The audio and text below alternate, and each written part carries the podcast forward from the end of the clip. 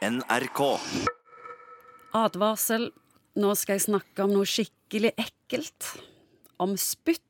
For du produserer én til halvannen liter spytt hver eneste dag.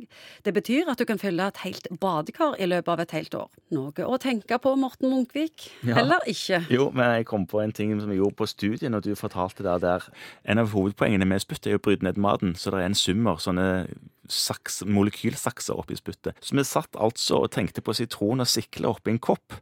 Jeg husker ikke hvor lang tid, men over en stund for å undersøke vårt eget spytt etterpå. Vi fylte ikke et badekar, men det var ganske, ganske morsom seanse hvor vi satt der og så halvintelligente ut hele kullet og sikla i kopper. Ja, Men hva var det du skulle spørre om? Jo, jeg vil spørre om de som ikke produserer så mye spytt. Ja. Hvorfor har noen det sånn? De bare har en litt mindre spyttproduksjon enn eh, hva man kanskje burde ha. Og spytt er jo viktig for det er en del av det uspesifikke ytre immunsystemet. Sant? Det har en immunfunksjon. Det er ting som havner inn i munnen som kanskje er fremmedstoffer som ikke skal være i kroppen i det hele tatt.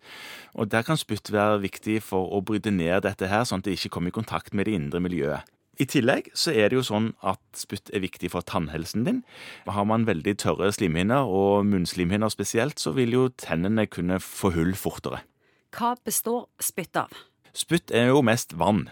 Men i tillegg så er det en del proteiner oppi der, og da er det både sånne proteiner som er ment å bryte ned matvarer, næringsstoffer, mikronæringsstoffer, men òg ting som er med på å uskadeliggjøre kroppsfremmede småting som kunne gjort oss syke.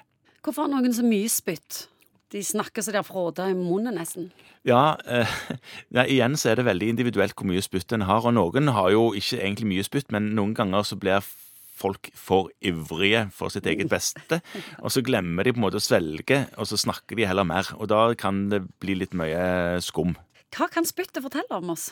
Man tar jo bare en mengde av eh, spytt når man skal sjekke for enkelte bindevevsykdommer. Da sjekker man eh, både spytt, man kan sjekke hvor mye tårevæske man har, og sånne ting som det, i forbindelse med utredning for forskjellige revmatiske lidelser. Når det kommer til spytt, så er vel det mest vanlige munntørrhet. Ja, Munntørrhet er det største problemet. og Der er det en del medisiner som gir munntørrhet. Det ser nesten ut som det står munterhet. Tørrhet, det står. Um, så det er en vanlig sak, og det er et problem, for det gir da dette med tannhelsen og sånn som det. Og så er det jo Jeg kom på det her med spytting. Det var jo noe som i gamle dager man gjorde. Ja. Og det var liksom sosialt akseptert. Det var nesten til og med sånn at det var ekkelt å suge til seg sitt eget spytt og svelge det ned. Det skulle man iallfall ikke gjøre. Og så var det stas å spytte lengst. Og det er jo fortsatt en del konkurranser på akkurat det. Ja.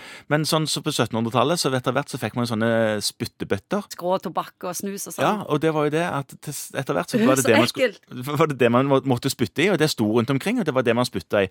Og en ting er jo det at det er ekkelt at det var, men tenk på de som skulle tømme disse. Åh. Ja. Men så ble det fortsatt en stopper for dette med spytting når den store epidemien med influensa kom 19, eh, da, 1918. Var det da omkring? Eh, i alle fall Da ble spytting satt en stopper for. Da skulle man ikke holde på med det lenger. Nå er det jo spyttbøtter når man tester vin. Ja. Men utover det så er det ikke særlig mye å finne. Men hvis noen har munntørrhet, er det noe du kan gjøre, eller er det bare noen må leve med å drikke mye? Nei, det, det er 20% av befolkningen opplever munntørrhet. Ja, Det er vanligvis ikke så mye man gjør med det. Man kan, eh, man kan råde, råde de til å suge på sukkerfri drops. Det stimulerer til spyttsekresjon og produksjon. Tyggis vil noen ganger gjøre samme nytten. Og tannkrem som ikke skummer, har jeg lest. Ja, jeg har lest det. Jeg, jeg vet ikke helt. Jeg tror mer på at du skal tenke sitron så ofte du kan. Da spruter du godt i baki der. NRK.